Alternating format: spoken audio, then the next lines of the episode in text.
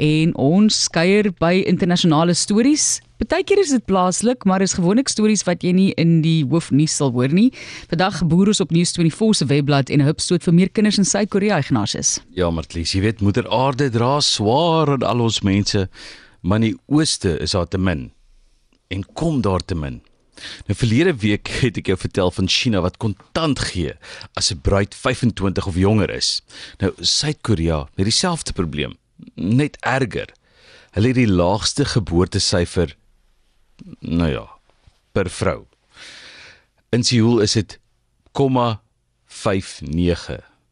Dis dis aan die lae kant Martelies. Hulle boer agteruit. Nou as jou probleem groter is, moet die antwoord anders wees. Dit lyk my hulle hou dit eenvoudig. Kry nog 'n vrou in die huis. Nee, dis nie poligamie wettig maak soos wat dit in sommige omstandighede op plaaslike bodem is nie. Jy gaan daardie vrou moet betaal. R50000 'n maand. Jy mag nou begin somme maak en wonder of dit 'n per maand of per uur werk is wat ter sprake is. Wel, die land moet bietjie aanpassings maak aan hulle reëlings en wette om huiswerkers te akkommodeer.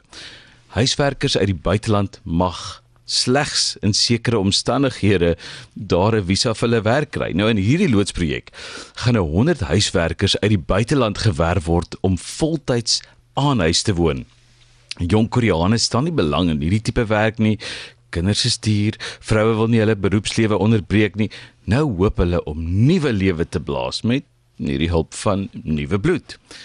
Tans mag slegs buitelanders wat met Koreane getroud is of mense wat etniese Koreane is wat in die buiteland woon hierdie tipe visa kry om as huiswerkers in Korea te kom werk of in Suid-Korea te kom werk.